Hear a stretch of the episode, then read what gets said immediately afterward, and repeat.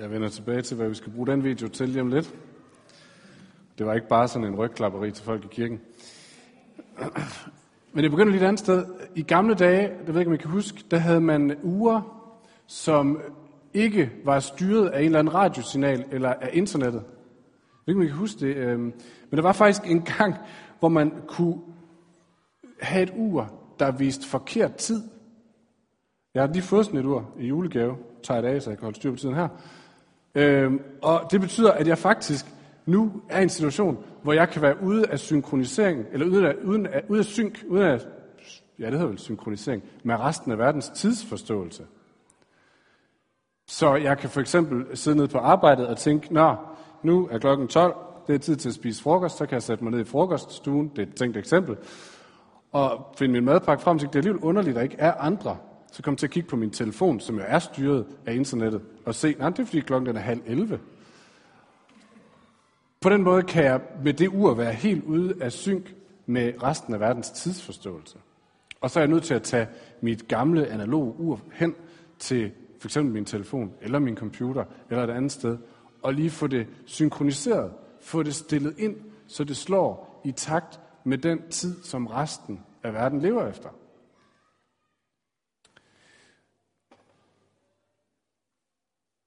På samme måde kan vi, som forsøger at følge Jesus, en gang imellem få den her oplevelse af, at vores liv er ude af synk med vores himmelske fars stemme.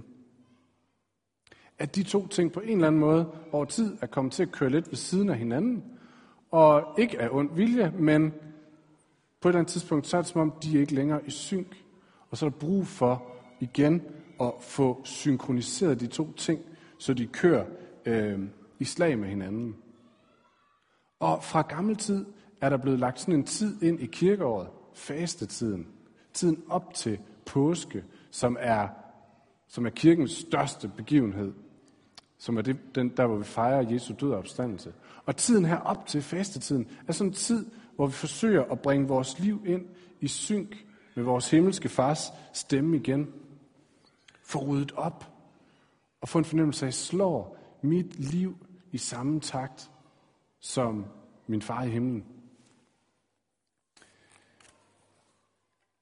Og det er det, vi skal her i fastetiden. Og i år, der vil vi bruge den tekst, som ligger på nogle af jeres stole. Nogle af jeres børn har sikkert koldet sammen og pillet bussemænd med den. Men på nogle af stolene ligger den. Det er Paulus' brev til kolossenserne. Vi skal ikke læse det hele i dag. Det er kun kapitel 3, og det er den, vi skal bruge. Vi skal ikke læse det hele i dag. Men i løbet af de næste 40 plus lidt dage, skal vi bruge den her tekst som et spejl.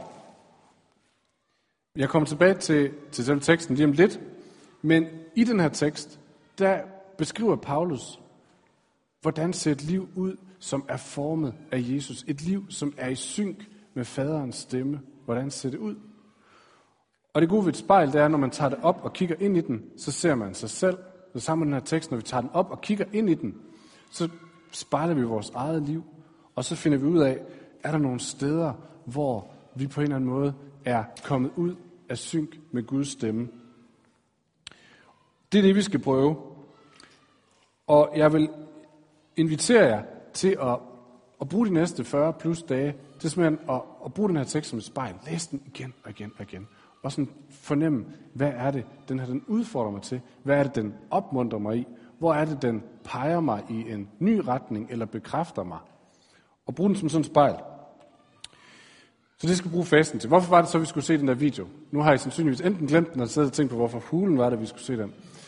Men det skal vi, fordi jeg tror ham her, nu kan jeg ikke engang huske, hvad han hed, Peter eller hvad han hed, Jacob, øh, har en meget, meget vigtig pointe, når vi går ind i sådan en faste spejlingstid, synkroniseringstid. Han kommer udefra. Han har ikke nogen kirkelig baggrund, så vidt vi ved. Han kommer bare ind i kirken, og så siger han, når jeg er her, her hvor Gud er, hvor Gud altid på en eller anden måde har været stede, så er det på en eller anden mærkelig måde, som om jeg for første gang træder ud af det her konkurrence- og bedømmelsessamfund, som jeg hver dag er en del af. Det er, det er som om, når jeg kommer ind her, hvor Gud er nær, så ser jeg virkeligheden på en helt ny måde. Så er det ikke længere verden, der er min dommer, så er det Gud, der er den øverste chef, som han siger. Godt nok er det præsten, der styrer slagets gang, men Gud er den øverste chef. Og det er det eneste sted, han har oplevet det, siger han.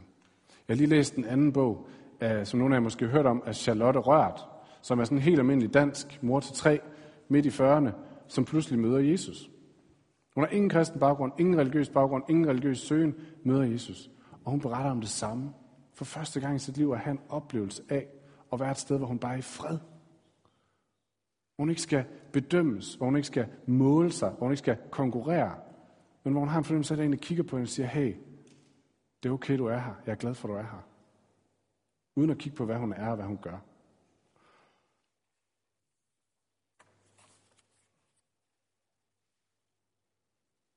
Når vi begynder, når vi går ind i fasten, når vi sådan begynder at spejle vores liv, kigge på vores liv under en lup, synkronisere vores liv, så er det ikke en tilbagevenden til sådan en bedømmelseskultur eller en konkurrencekultur, bare i sådan en lidt frommere udgave, hvor vi lige tænker, at jeg kan lige stramme mig lidt an.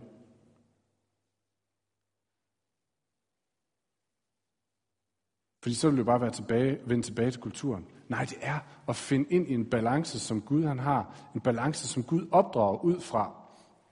Og den måde, vi tit snakker om det her i kirken på, det er, at når Gud opdrager, så har han to hænder i spil.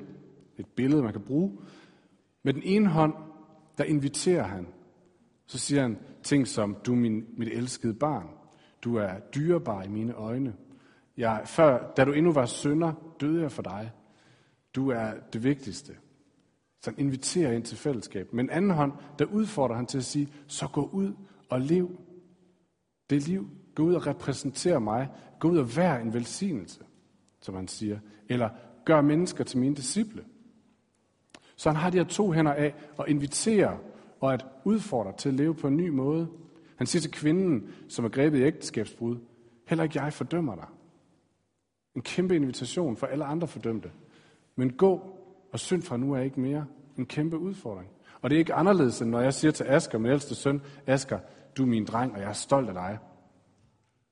Nu vil jeg gerne have, at du går ud og rydder op på dit værelse. Den balance er der brug for. Invitationen, du er god nok. Men jeg tror også på, at du kan leve dit liv bedre på en anden måde.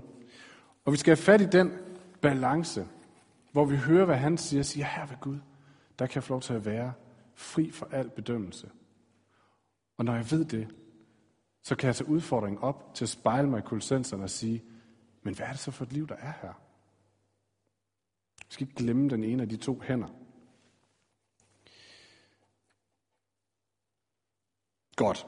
Det var sådan en lille form for indledning, kan man sige. Øh, nu går vi til Kolossenserbrevet kapitel 3. Og for lige at give en baggrund, så er Kolossenserbrevet faktisk, kan man sige, struktureret ud fra de her to hænder. Invitationen, det Gud han gør, og udfordringen, så lev det her liv. Det er et meget kort brev.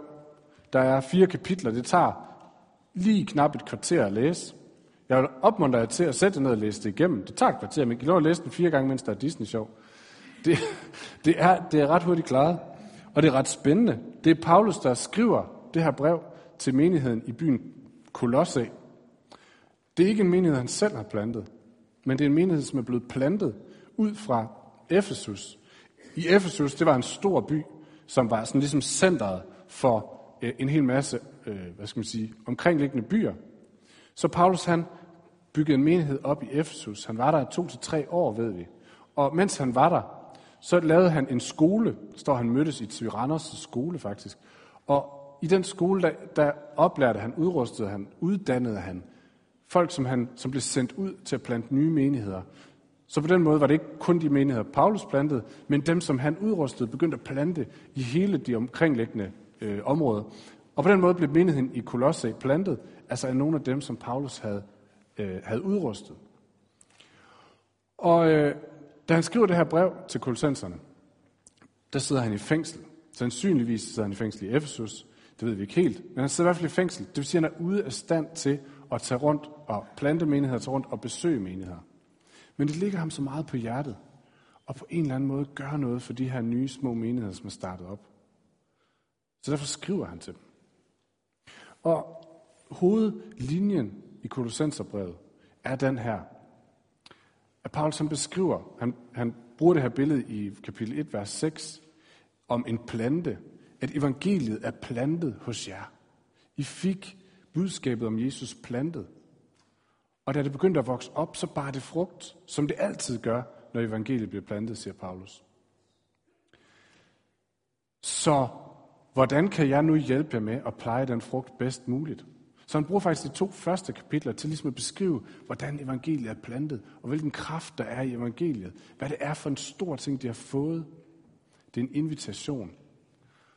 Og så bruger han de næste to kapitler til at sige, når I nu har fået det her, lad os så se, hvordan I kan pleje det liv. Hvordan I kan pleje de frugter, så det blomstrer mest muligt. Så det er rytmen i Kolossenserbrevet. Og det vi skal slå ned på her, det er kapitel 3. Man kan sige, det er der, hvor det skifter. Paulus har beskrevet kraften i evangeliet, det de har fået, øh, at, at Jesus virkelig er Guds søn, at Jesus virkelig er Gud og har al Guds kraft. Og at det liv, de har fået, er fyldt af Guds kraft. Og nu begynder han at beskrive, hvad er det så for et liv. Og lige her kapitel 3, det er der, hvor det skifter, kan man sige. Og det begynder at blive meget konkret. Og kapitel 3 er de her meget konkrete råd, som vi kommer ind på. Men i dag skal vi faktisk ikke gå i gang med de konkrete råd, men vi skal bare se på de begreber, eller på det Paulus han bruger, for ligesom at beskrive det her med, Gud har plantet noget. Nu skal vi tage os af væksten. Gud har sat noget i gang i jer. Nu skal vi holde øje med det. Vi skal vande det. Vi skal pleje det. Så det går vi i gang med i dag. Og så forhåbentlig, så giver det sådan en eller anden basis for så at gå ind i Paulus' meget konkrete råd på en ordentlig måde. På en god måde, hvor vi ikke enten stresser og tænker, ej, der er noget, jeg skal leve op til her. Eller gør det modsatte, falder ned og siger, at alting er jo ligegyldigt. Når jeg bare tror på Jesus, så er livet ligegyldigt. Men finder den balance, som ligger imellem de to. Nu skal vi læse teksten, og det er kapitel 3, og det er vers 1-4, vi læser i dag. Det er ikke så frygtelig meget. Paulus skriver sådan her. Når I nu er oprejst med Kristus, så søg det, som er i himlen, der hvor Kristus sidder ved Guds højre hånd. Tænk på det, som er i himlen, og ikke på det jordiske. I er jo døde, og jeres liv er skjult med Kristus i Gud. Når Kristus jeres liv bliver åbenbaret, der skal også I blive åbenbaret sammen med ham i herlighed. Lad os læse det en gang til. Når I nu er oprejst med Kristus, så søg det, som er i himlen, der hvor Kristus sidder ved Guds højre hånd. Tænk på det, som er i himlen, og ikke på det jordiske. I er jo døde, og jeres liv er skjult med Kristus i Gud. Når Kristus jeres liv bliver åbenbaret, der skal også I blive åbenbaret sammen med ham i herlighed. Så Paulus bruger her ligesom to ordpar for at sætte dem i stand til at gribe det her nye liv. Han bruger først ordparet oprejst og død, oprejst over for død, og derefter ordparet himmelsk over for jordisk. Så først oprejst over for død. Jeg vil få den påstand, at en væsentlig drivkraft i vores samfund, eller i os selv, det er den her fornemmelse af, jeg er der næsten, men ikke helt endnu. Det går egentlig meget godt. Men når der lige sker lidt mere, så er jeg ved at være der. Så vi kan tænke, der er lige lidt mere lykke for mig at få, lige lidt længere fremme. Eller der er lige lidt mere potentiale i mig, som lige mangler at blive foldet ud. Der er nogle ting, der står i vejen. Så bliver jeg virkelig den, jeg er. Det kan være, når jeg får et andet arbejde, så kommer det til at ændre sig. Eller når bare jeg får min nattesøvn igen, kan nogen af os sige, så bliver jeg et meget bedre menneske, så, så, så forløses der noget mere potentiale, han har sagt. Eller, som om, jeg er lige ved at være der, men jeg er der ikke helt. Der må være noget mere.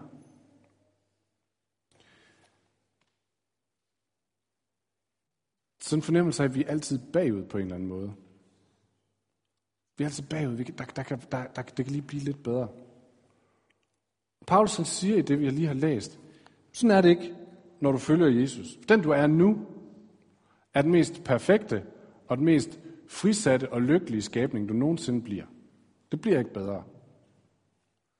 Lidt en provokerende påstand. Men det han siger, når I nu er oprejst med Kristus. Så siger ikke, når I bliver oprejst med Kristus, så bliver det bedre. Han siger, nej, når I nu er oprejst med Kristus, så har I del i et liv. I har del i en relation, som har overvundet døden, som har overvundet det onde, som har overvundet sygdom. Så er vi søn eller datter af den højeste konge.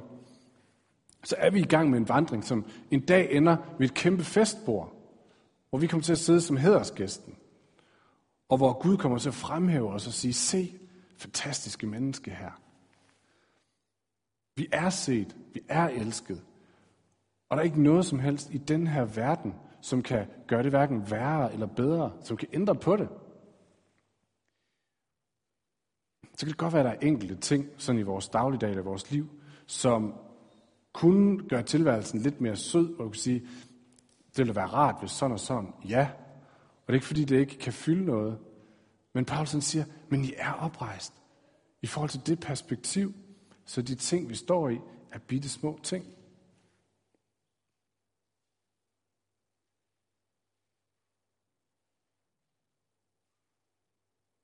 Og tror, det er det, han, han mærker ham gutten her i interviewet. Det er som om alle de kampe, han står i hver eneste dag, alle hans glæder, hans udfordringer, hans sorger, alt det hele, når han får lov til at mærke herinde ved Gud, hey, du er god nok, og jeg er alligevel herren over det hele. Sidste ende, da er det mig, der har magten. Så som om så slipper alt det andet sin magt, og så er det ligegyldigt. Og det Paulsen siger, I er oprejst. Det er ikke så vigtigt. Det er Jesus han lader folk mærke, når de er i nærheden af ham. Hey, når du er her, så er du okay. Så er det ikke så vigtigt, hvad andre siger og hvad andre tænker. Og det er de, de briller, Paul som ligesom prøver at give os til at sige, prøv at kigge på jeres liv på den her måde nu, med de her briller. At I er oprejst.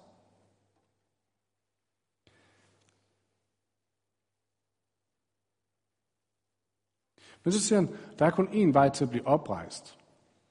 Og det er, at du starter med at dø. Det vil sige, intet nyt liv, ingen oprejsning uden død. Men til Paulus historie hører det så også, at døden, det er noget, som er sket.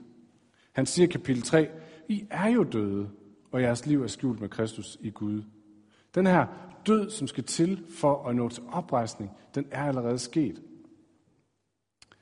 Dåbsforældre de bliver som regel lidt chokeret, når vi sidder til dåbssamtale, og jeg så bare lige gør opmærksom på, hvad er det, vi læser her i dåbsritualet. Vi læser øh, modtage det hellige korsets tegn, både for dit ansigt og for, til, for dit bryst, til et vidnesbyrd om, at du skal tilhøre den korsfæstede Herre Jesus Kristus. Det er ikke noget med korsfæstede og opstandende Herre. Det er ikke noget med et tegn, der symboliserer liv. Nej, det er et kors, som er et dødssymbol, og det er den korsfæstede Herre.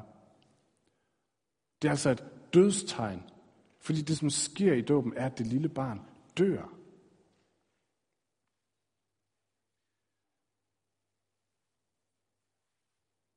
Verdens gængse holdning er, hvis jeg bare lige tager mig lidt mere sammen, så bliver det nok bedre.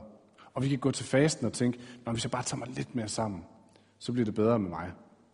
Vi skal bare lige stramme de her selvdisciplins baller, så går det bedre. Så, så, så går det nok alt sammen. Men Paulus siger, jamen, venner, det vil ikke være anderledes end at begynde at male en rusten bil. Det gør det så pænt ud, men indholdet er stadigvæk rådent. Der skal skraber og midler i brug. I er simpelthen nødt til at dø. Det gamle bliver ikke bedre, det må dø. Hele dig, både begær, tilbøjelighed og sønder, også håb og drømme og længsler og, og glæder, fordi at i den her verden, der er der sådan en eller anden effekt af, at selv det gode, der har en selvkredsende, indadskuende tendens, som bare dyrker mig, mig og mig. Og Paulus siger, den slipper I ikke for, før I dør. Men Paulus siger, I er døde med ham. Da Jesus gik på korset, så var det alt det, han tog med. Så døde vi med ham. Og vi ser hos Jesus, at da han dør, så dør han for, at han kan opstå på den anden side. Så er der en opstandelse. Og på samme måde siger han, for os, der dør med ham, er der en opstandelse. Og det kan lyde lidt harsk. Skal dø? Det lyder sådan lidt voldsomt. Men jeg tror, de fleste af os er voksne nok eller modne nok til, når vi mærker efter at vide, der er bare nogle ting. Det er som om, det bliver aldrig bedre. Jeg kan ikke tage mig sammen til, at det her det forsvinder. Og Paulus siger, nej, det kan du ikke. Det må dø. Men hvis det dør, så er der en opstandelse på den anden side.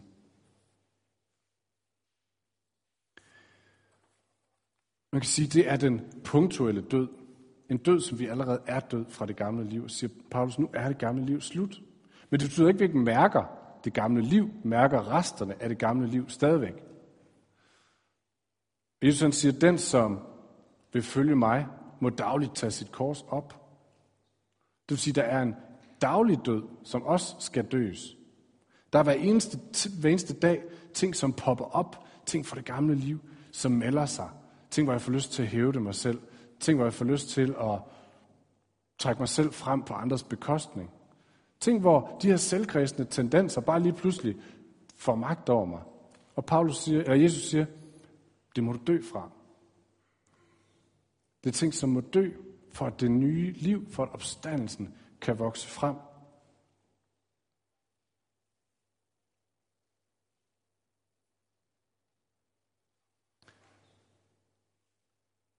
Det Paulus siger, det er, når de her ting de dukker op, de her selvhævdende tendenser, eller hvad det er, så er det ting, som allerede er døde. Så er det ting, som er døde med den død, Jesus han døde.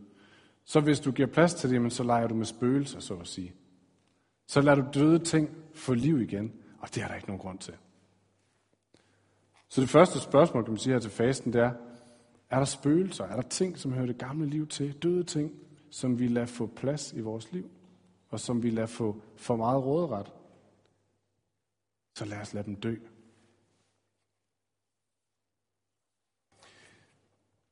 Det var det ene ordpar. Det andet ordpar, det tager ikke helt så lang tid. Men det er det himmelske over for det jordiske. Så Paulus han siger, søg det, som er i himlen.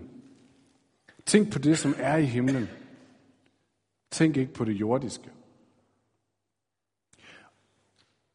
Jeg tror måske, det er en af de vers, det kan man sige om mange vers i Bibelen, men jeg tror, det er et af dem, som er blevet misbrugt rigtig meget igennem historien. Måske misbrugt mest.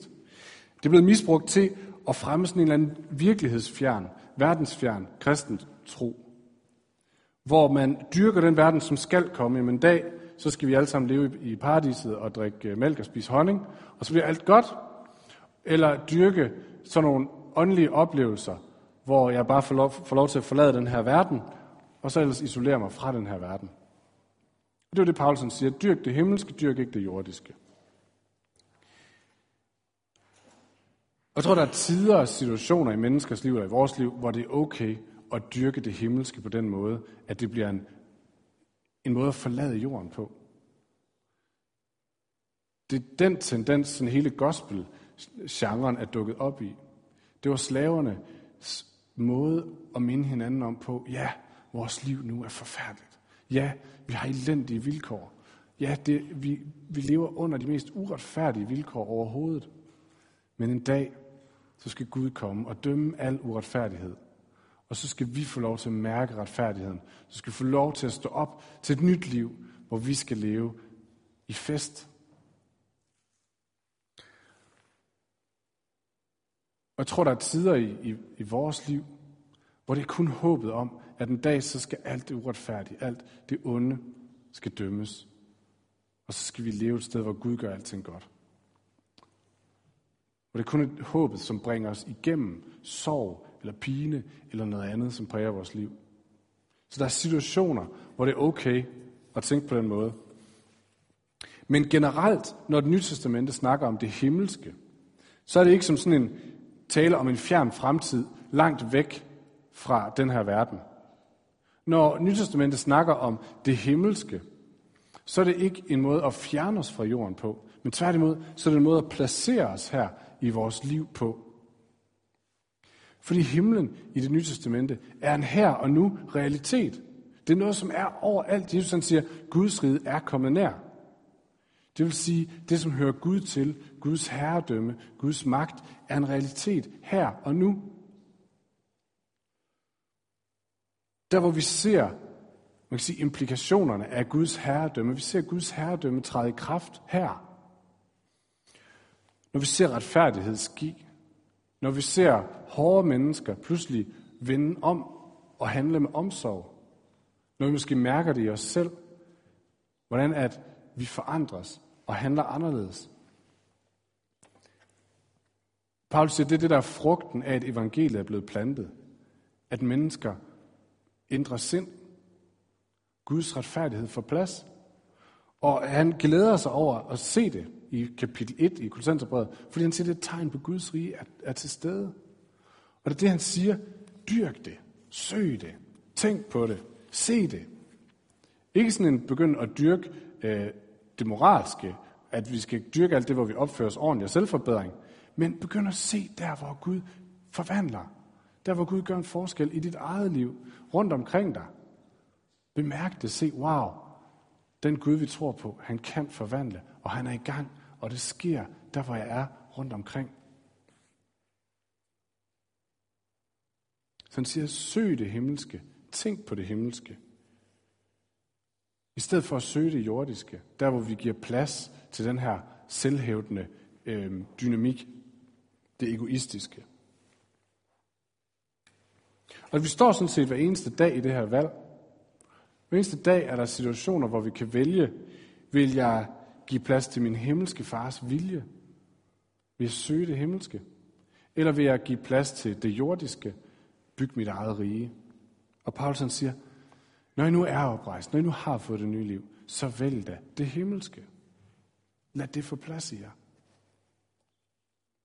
Der er sådan et eller andet karskt og næsten naivt i Paulus måde at snakke om det på. Men I kan jo godt se, at det er sådan her. Så gør det da. Velvidende, at det er svært. Velvidende, at det er en kamp for os alle sammen hver eneste dag. Men Paulus har sådan en frisk måde at se på synes jeg. Hvor han siger, men det er jo sådan her, det er. Så, så lev det da. Paulus, eller Jesus siger, søg først Guds rige og, alt hans, øh, og hans retfærdighed, så skal alt det andet give sig i tilgift.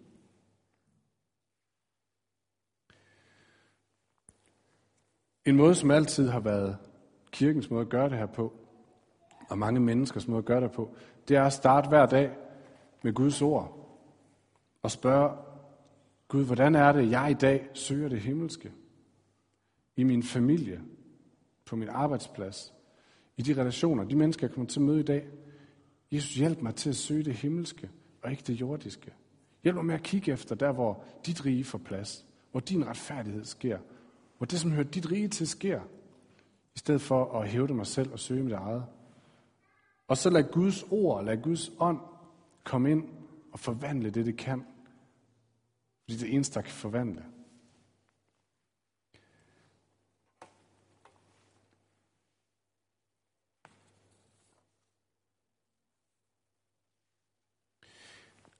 Det sidste, Paulsen siger i den her, de her indledende fire kapitler, det er, at der er måske tider i vores liv, hvor det her med at følge Jesus, det bare ikke ligner herlighed. Det er måske faktisk ofte meget af tiden. Slet ikke ud fra, hvad verden har lært, og, lært os at definere som herlighed, eller herlige ting, eller lykke. Der er tider, hvor det at følge Jesus, hvor det nye liv, det mest ligner kamp og død og selvoffrelse og opgør med ting i os selv. Og det modsatte, umiddelbart er herlighed. Men Paulus han siger, en dag, så skal Guds rige træde frem med Kristus. Når Kristus, jeres liv, skal åbenbares i herlighed, så skal I åbenbares sammen med ham i herlighed. Der kommer en dag, hvor Guds rige, hvor det vi følger, det træder ud af skyggen, og støvet bliver børstet af, og Guds lys skinner på det. Og selv de dage i vores liv, som lignede mindst herlighed, får sådan et herlighedslys fra Gud ind over sig. Hvor måske en ny forståelse kommer til, og hvor, hvor Guds riges herlighed bliver åbenbaret. Og vi bliver åbenbaret sammen med Gud, og Jesus skal stå der og tage os frem og sige, se, det er sådan her, det i virkeligheden så ud. Det er det her, det i virkeligheden var. Og der tror jeg, vi skal forstå noget omkring herlighed, som vi ikke altid forstår nu. Vi skal forstå noget af det dunkle, som vi ikke forstår nu, og se Guds lys ind i det.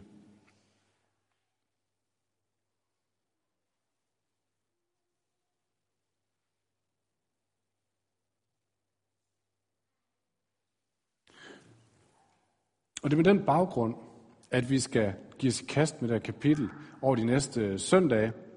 Og jeg kunne egentlig invitere jer til at, øh, at følge mig i et lille eksperiment. Og det er at tage den her tekst, og så kan læse det i sin egen bibel. Og så læse den igennem, måske en gang om dagen. Den her tager ikke et kvarter at læse, den tager måske 5-7 minutter. Læs den igennem hver morgen, hver aften, hver eftermiddag, hvad der lige passer. Med den her bøn, Gud, hvordan er det, jeg søger det himmelske i dag? Hvordan er det, jeg søger din retfærdighed i dag? Hvordan er det, jeg søger dit rige i dag? I en eller anden tro på, som er Guds løfter, at når vi, når vi beder den bøn og lader hans ord fylde os, så får han lov til at præge os på en ny måde. Og i de næste vers, der bliver han meget konkret om, jamen, hvad betyder det for vores liv? Hvordan ser det ud? Og lad os udfordre, lad os opmuntre i fællesskab af det. Jeg ved ikke lige, hvordan vi gør det konkret. Måske laver vi en mail eller et eller andet. Det vil jeg lige tænke over. Men, øh, men jeg har lyst til selv at gøre det. Og prøve at se, prøve at vandre med den her tekst. Og lad det her udfordre os. Søge det himmelske. Glem det jordiske. Fokuser på at være oprejst, og ikke så meget på alt det, som er dødt. Og lad Gud gøre sin gerning og forvandle. Lad os, øh, lad os slutte med at rejse os op og bede sammen.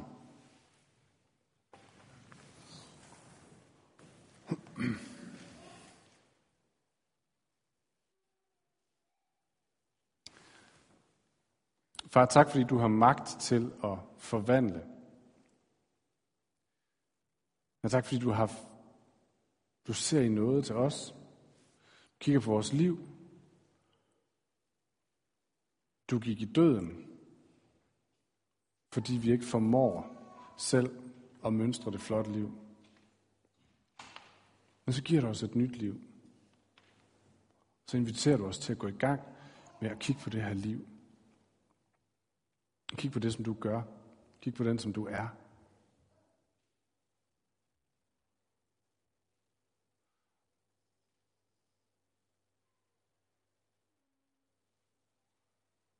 Her kom og,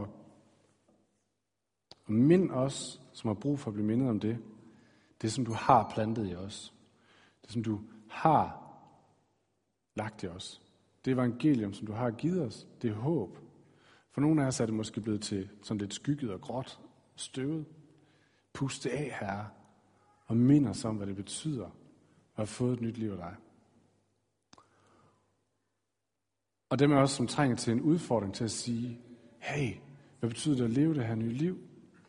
Hvad er praksis? Hvad er, hvad er det at lade sig bruge af dig? Hver eneste dag at søge det himmelske. Udfordre os til det her. Du kender os hver især, du ved, hvad vi har brug for, hvor vi har brug for at blive mødt. Amen.